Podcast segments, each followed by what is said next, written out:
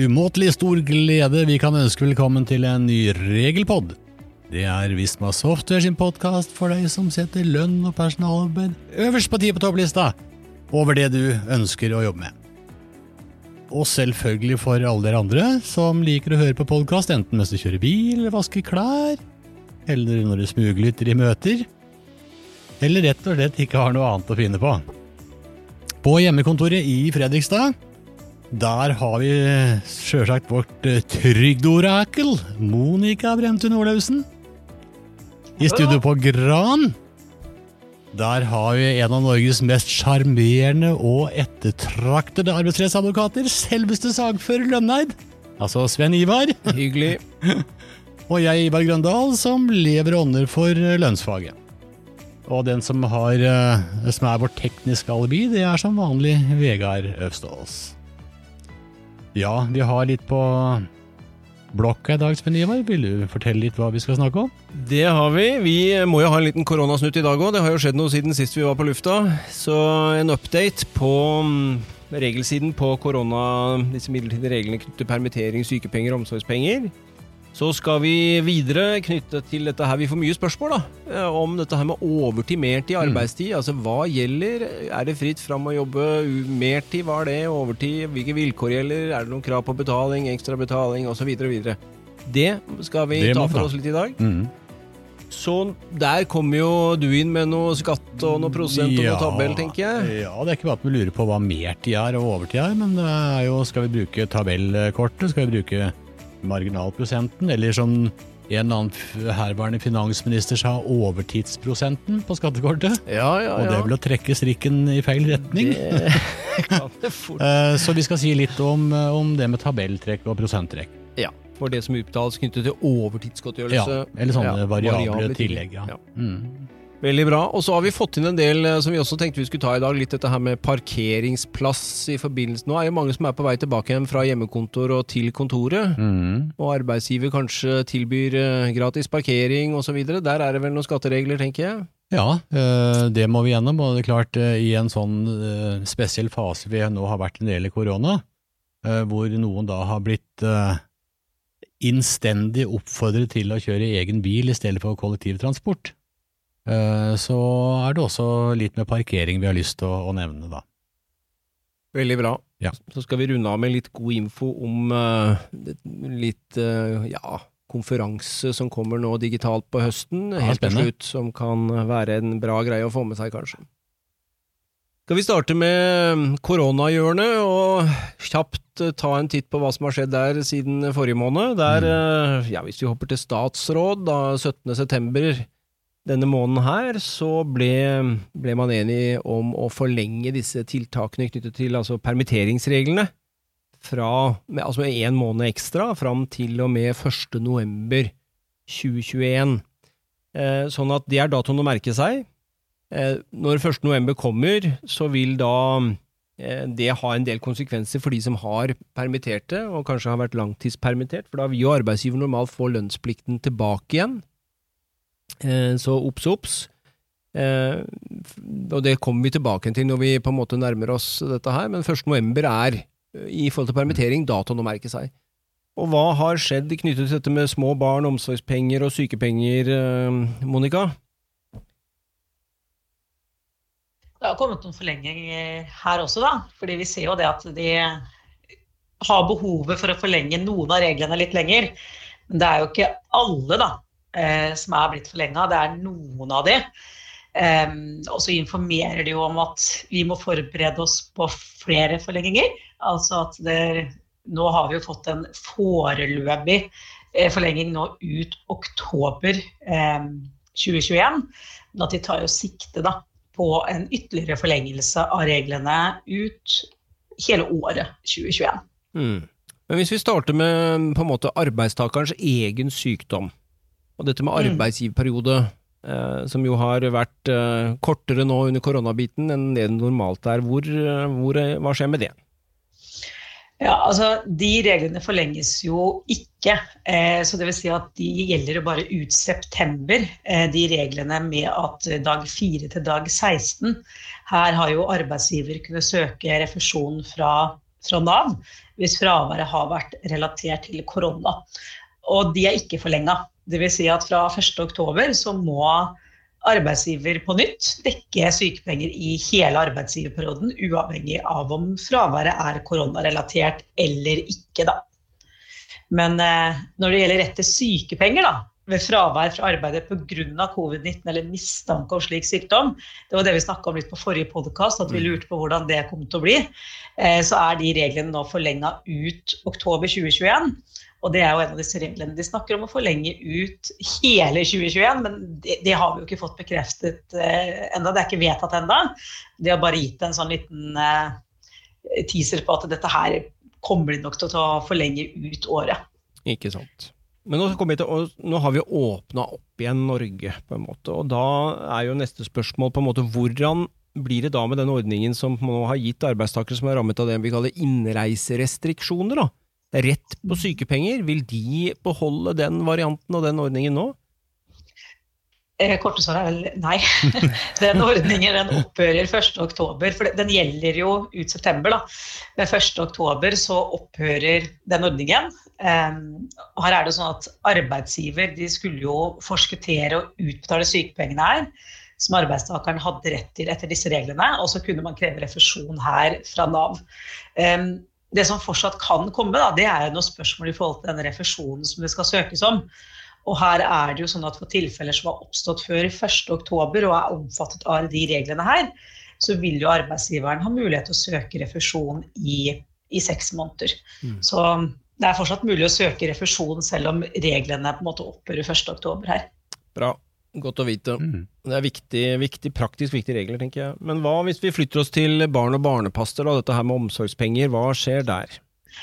Ja, det er jo noen regler som gjelder ut året, og det har vi jo snakket om før. Hvilke regler som allerede gjelder til og med 31.12. Eh, men så er det jo noen som nå er blitt forlenga, som egentlig skulle opphøre i slutten av september, altså varte ut september og skulle falle bort 1.10.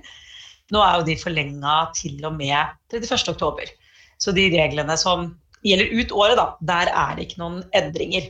Så det som er blitt forlenga nå ut oktober, det er jo retten til disse omsorgspengene hvis barnet er i karantene, eller hvis skole eller barnehage er helt eller delvis stengt pga. covid-19. Eh, og så er det jo disse tilfellene hvor barnet altså skole og barnehage er åpent, men barnet må holdes hjemme pga. særlig smittevernhensyn, enten hos barnet eller et familiemedlem som barnet bor eh, sammen med. Så har man rett til omsorgspenger også i den situasjonen. Eh, og så er det jo rett til omsorgspenger utover den kvoten man i utgangspunktet har i løpet av et år. Da. Dersom man har nådd det maksimale antall dager med omsorgspenger, og barna likevel må holdes hjemme pga. særlig smittevernhensyn, eller fordi skole eller barnehage er helt delvis stengt. Mm. Så det vil si at man får jo flere dager da, med omsorgspenger i, den, i, de tilfellene der. Mm. Og mye tyder som sagt på at de reglene her også da, kommer til å bli forlenga ut 2021. Tenker du da at vi får ny regjering, og at det kommer til å skje noe eh, ytterligere rundt disse reglene?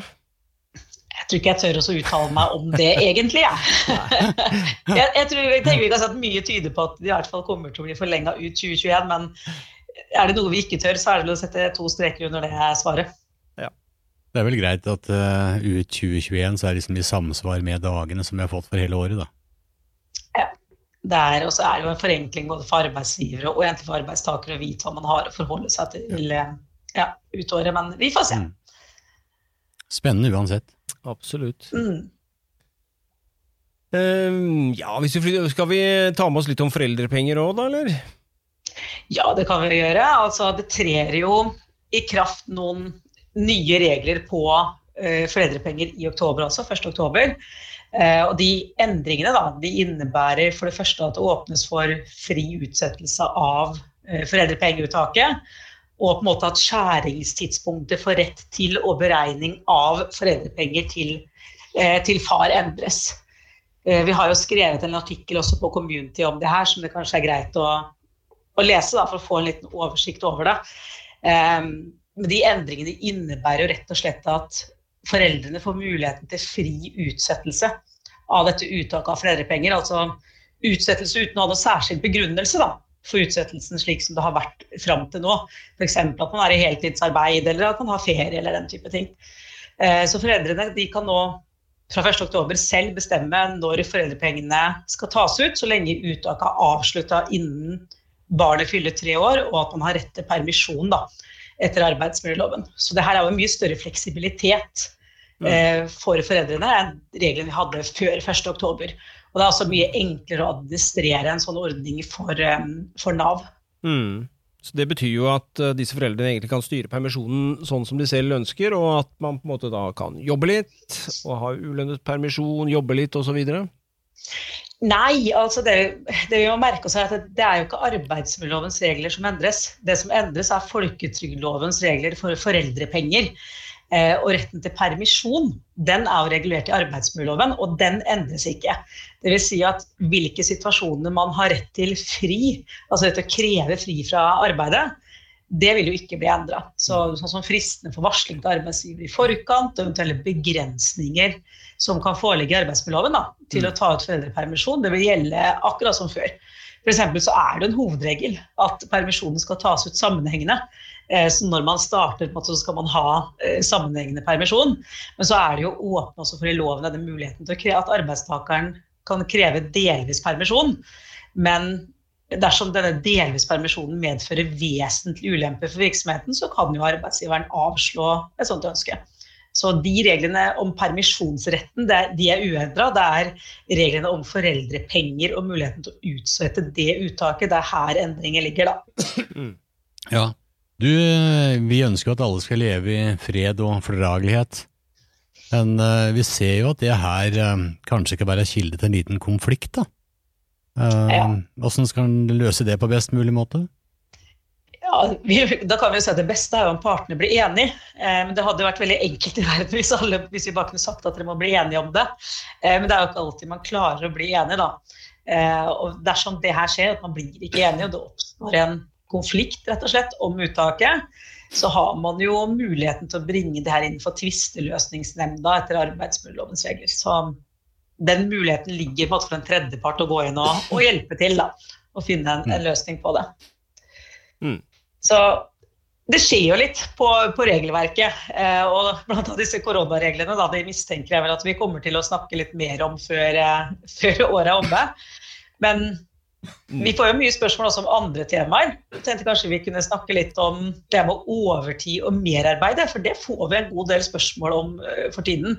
Og altså, Niva, hva tenker du? Når, når, snakker vi egentlig om overtid? Hva er overtid?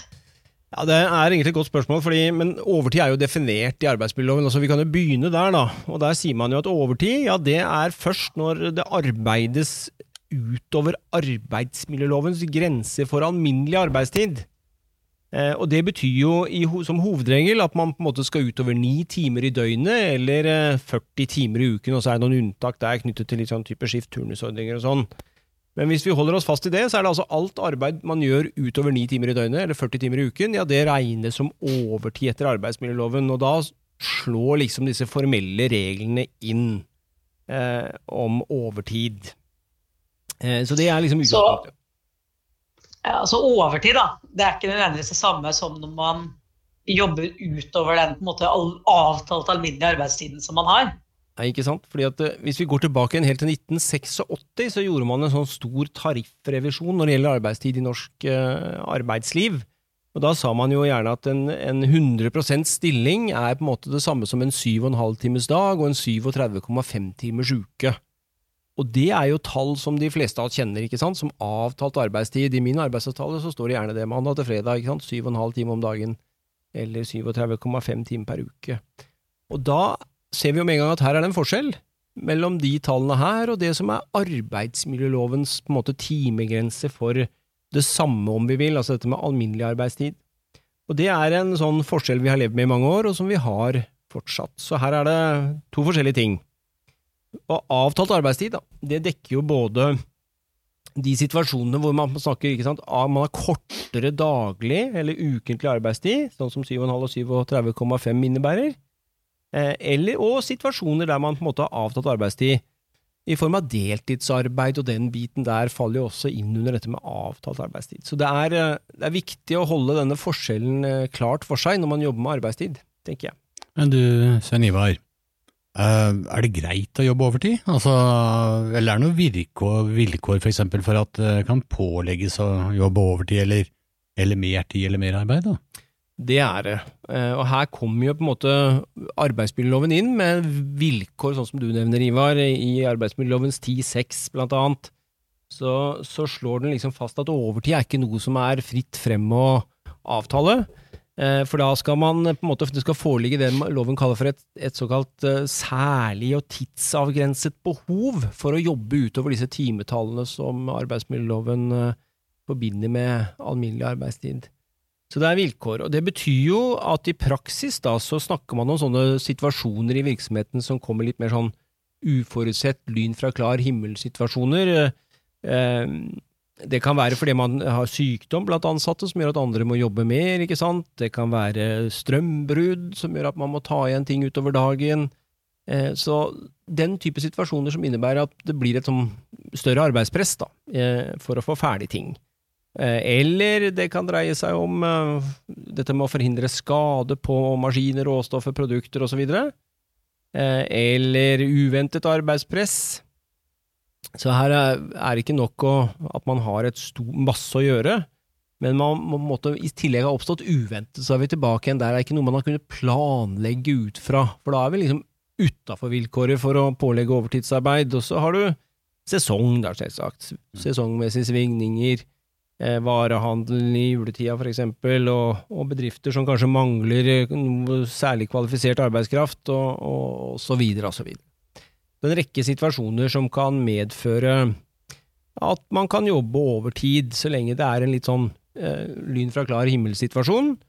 Eh, eller så kan vi heller ikke ha overtid som en, det vi kaller for en fastordning, med andre ord. Det er ikke noe vi kan planlegge over tid, og si at vi jobber bare litt overtid, så fikser vi det. Eh, så det er, det er greit å, å, å, tenke de tanker da, når man skal inn i dette med kan jeg pålegge de ansatte, og er vilkåret oppfylt? Det som også er et poeng her, det er jo at disse overtidsvilkårene som jeg snakker om nå, de gjelder jo også hvis jeg skal pålegge en ansatt å jobbe utover sin avtalte arbeidstid, som vi var innom i sted. Utover din syv og en halv times dag, så dukker samme mm. vilkår opp, selv om det ikke skal regnes med antall timer overtid etter arbeidsmiljøloven som du har lov til å jobbe i døgnet, per uke, per fire uker og per år. Ja, For det er vel noen grenser for det også, er det ikke det? Vi har jo Arbeidsmiljøloven verner vel arbeidstakeren her ved å sette en grense for hvor mye overtid en arbeidstaker faktisk kan jobbe. Det gjør den, og der er det ramset opp ganske greit i arbeidsmiljølovens uh, 10-6, nummer fire er det vel, som, som, har disse timegrensene. Hvor man snakker om ikke sant, det er maks ti timer overtid i løpet av syv dager, og 25 timer i løpet av fire sammenhengende uker, og, og maks 200 timer i året i løpet av en periode på 52 uker, da, ikke nødvendigvis kalenderår.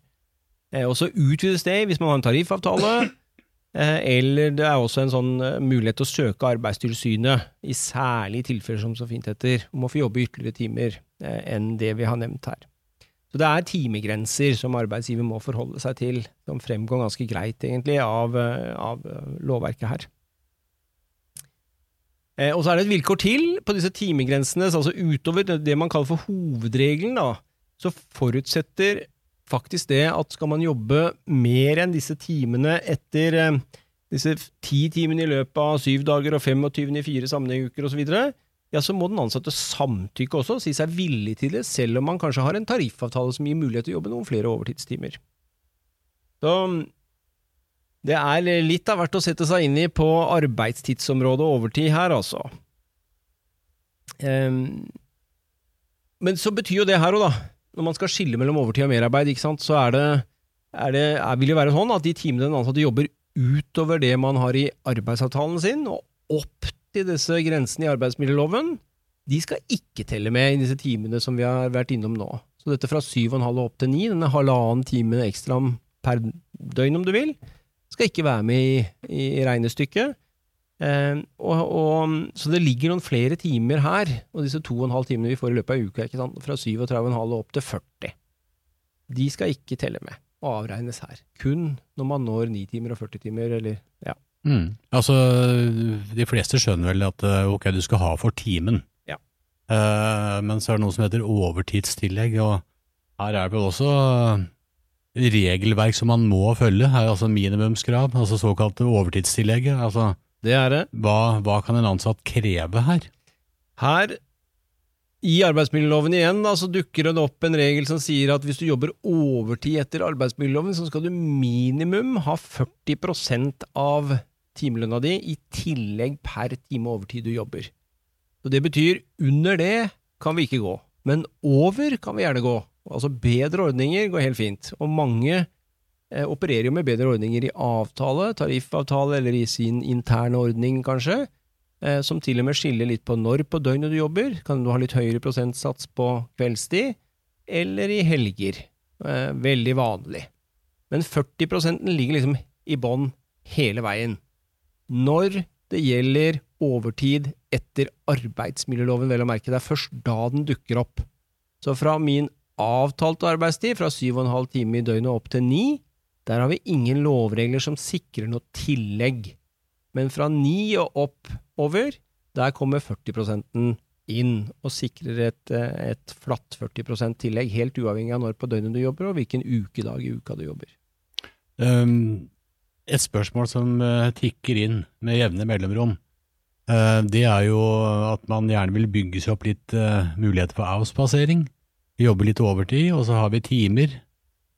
kan det brukes til avspasering? Og så er jo også spørsmålet det tillegget, da, som er minimum 40, som du sa. Mm. Kan godt hende at du har noen av 50 eller 100 og det. Kan du gjøre om det overtidstillegget til avspaseringstimer? Ja, det er et bra spørsmål, uh, fordi avspasering og fritid er jo også en form for avlønning til den ansatte, som er et gode de ansatte setter pris på. Men vi kan jo tenke oss, snu det litt på hodet, da, så sier arbeidsgiver at hos oss, når man jobber overtid, så utbetaler vi ikke noe tillegg i kroner. Men dere får én time overtid, ja, da får dere én time fritid. Ferdig. Eh, og da er det nok sånn at den ordningen lar seg ikke ensidig gjennomføre eller beslutte av arbeidsgiver. Fordi når man jobber overtid, og arbeidstakeren ønsker penger utbetalt, altså etter 40% tillegget da, etter loven, ja, så skal det alltid ut i kroner, sier forarbeidene her. Og grunnen som ligger bak det, det er nok mer sånn kontrollhensyn, for da vil det også fremgå på lønnsslippen til den ansatte hvor mange overtidstillegg man har fått utbetalt til eh, de timene man har jobbet, og derved kan man også sjekke eh, hvor mange overtidstimer en ansatt jobber. Så vi får ikke lov til å gjøre om selve tillegget til, eh, til fritid. Og, arbeids, om, dette må man være enige om, slik at arbeidstakeren må samtykke dette hvis man skal mm. ha en avspasering som en form for godtgjørelse for overtidsarbeid. Men, men tillegget er alltid ute i kroner. Timen kan du avspasere, men tillegget skal betales ut. Helt riktig så er det kanskje greit at man merker seg det nå, at Høyesterett har jo var i 2020 avsa jo en ganske klar dom på det her med ulovlig overtidsarbeid hos de ansatte, hvor det var en daglig leder som fikk det var, 120 dagers ubetinga fengsel. Mm. Fordi man hadde ulovlig overtidsarbeid hos de ansatte.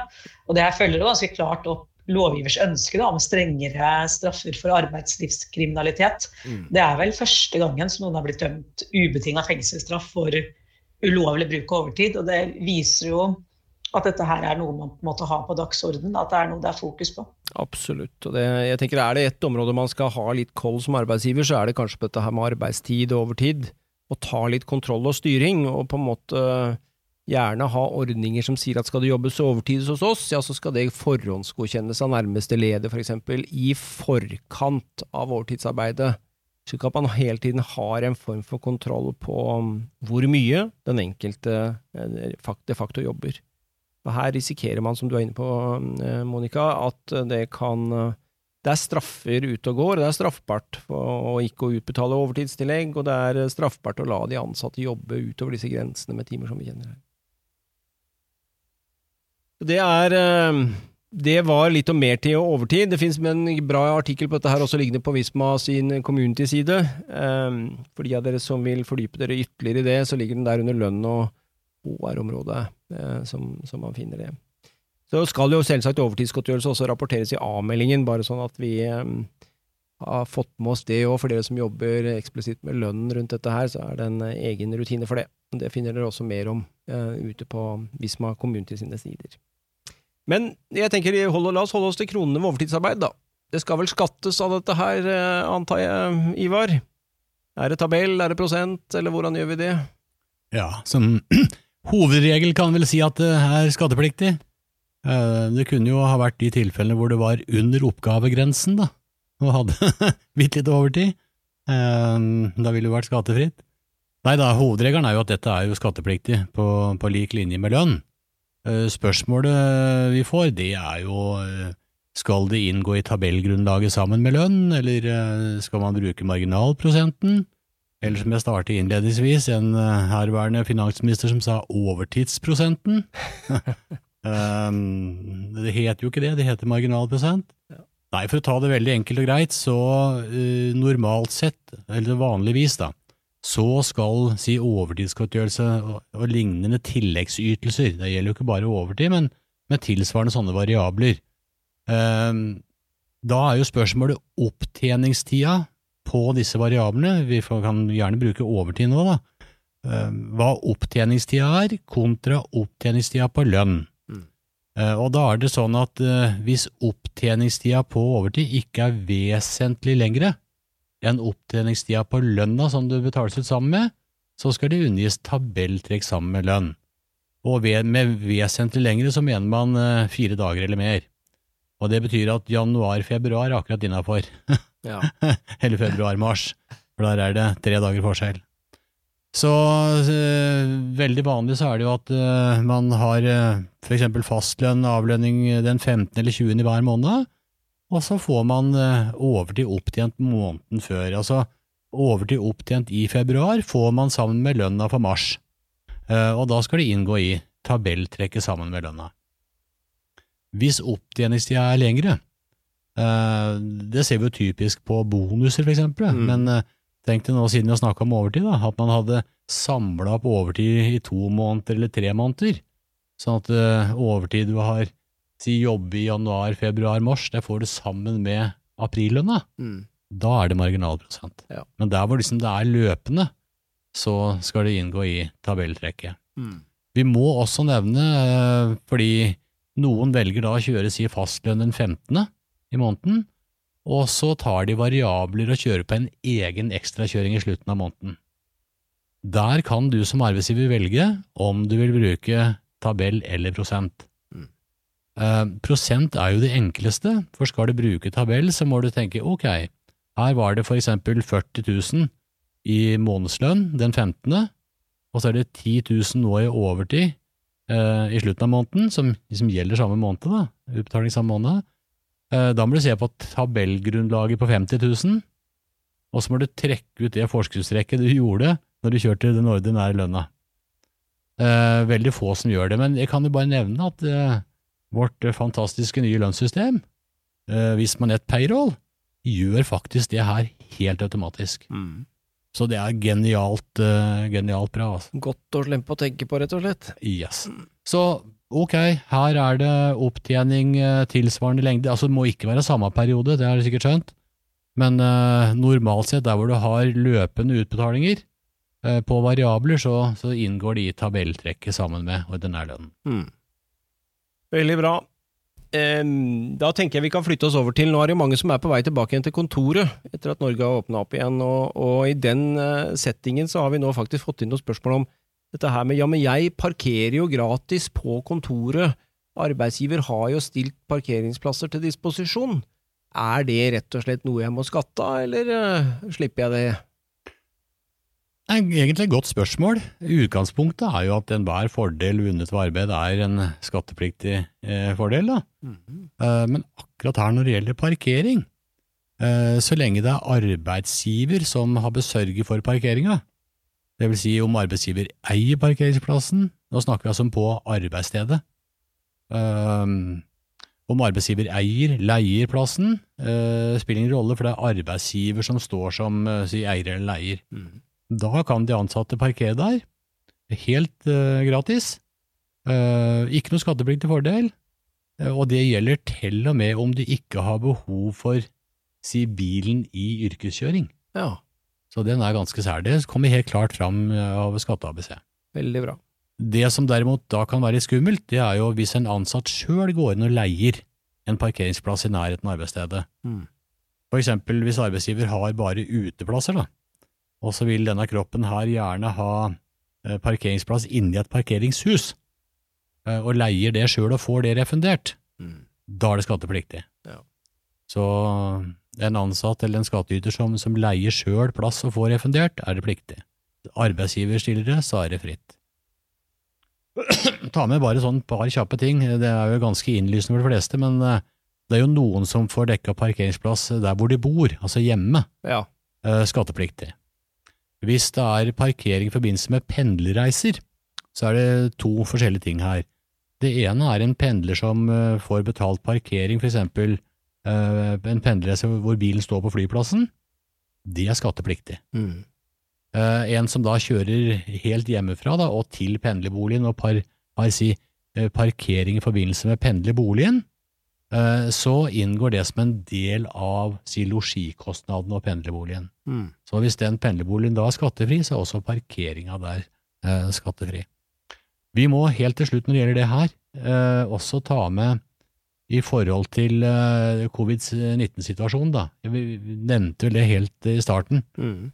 Uh, der hvor man nå har blitt oppfordret til å ikke kjøre kollektivt. Altså nå er vi oppfordret til å kjøre kollektivt igjen, da. Men i den perioden hvor vi helst da ikke skulle kjøre kollektivt, Mm. uh, hvor også eh, ansatte ble skal vi si, nesten pålagt å kjøre egen bil.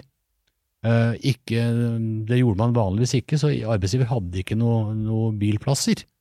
Eh, og hvor da arbeidsgiver har sagt ok, da dekker vi kostnadene for parkering i den perioden. Og Jeg har diskutert dette her litt med øh, si kollegaer innenfor lønn, lønnsskattfag, og vi er jo enige om at øh, ut fra den uttalelsen Skattedirektoratet øh, har, har sagt, da, lagt ut, i forhold til liksom, det med naturalytelse osv. i forbindelse med covid-19, så mener vi at det her også vil falle inn under helt ekstraordinære tiltak i forbindelse med covid-19. Så i de tilfellene hvor ansatte har måttet kjøre bil på jobb for å ikke bruke kollektivtransport, har fått dekka parkeringskostnader, selv om du kanskje har lagt ut sjøl og fått refundert, eh, så mener vi at i forbindelse med covid-19, det er grunnen til at man har gjort det, eh, at det faller inn under bestemmelse om skattefritak. Akkurat. Veldig greit å ha med seg. Jeg tenker det var eh, nok eh, mye god eh, info på de temaene vi nå har vært inne i. Det ligger jo mer om disse temaene også ute på vårt community hele tiden. Stikk innom der hvis dere vil fordype dere ytterligere i dette her. Og så tenkte jeg vi skulle helt avslutningsvis nevne at det kommer en såkalt digital høstkonferanse nå, medio november. Der vi kommer til å gå ut med en litt sånn à la carte-meny på innholdet, og mye faglig spennende temaer, både på fag, som vi driver med paragrafer, og på systemsiden. Og det er både HRM og ERP. Eh, Så mm, vi sender vel ut info så fort vi vet eh, helt når dette går av stabelen, og så er det fullt ut via vårt Regelnytt, tenker jeg. Mm. Da er det rett og slett bare å melde seg på og se om det er noe interessant fagstoff der eh, etter hvert som det kommer. Så mm, Men vi har vel noe sånn øh, noenlunde tidspunkt, har vi ikke det, Monica? Sånn cirka, i hvert fall.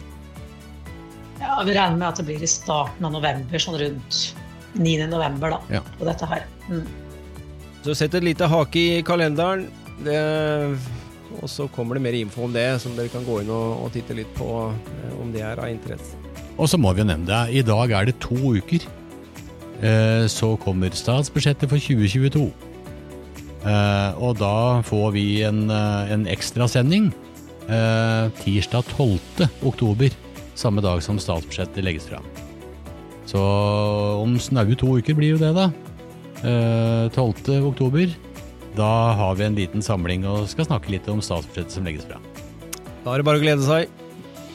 Det blir neste gang vi høres, eh, rett og slett. Ja. Så mm, da høres vi da. Så takker vi for i dag. Tusen takk til dere. I like måte. Så høres vi den tolvte, tenker jeg.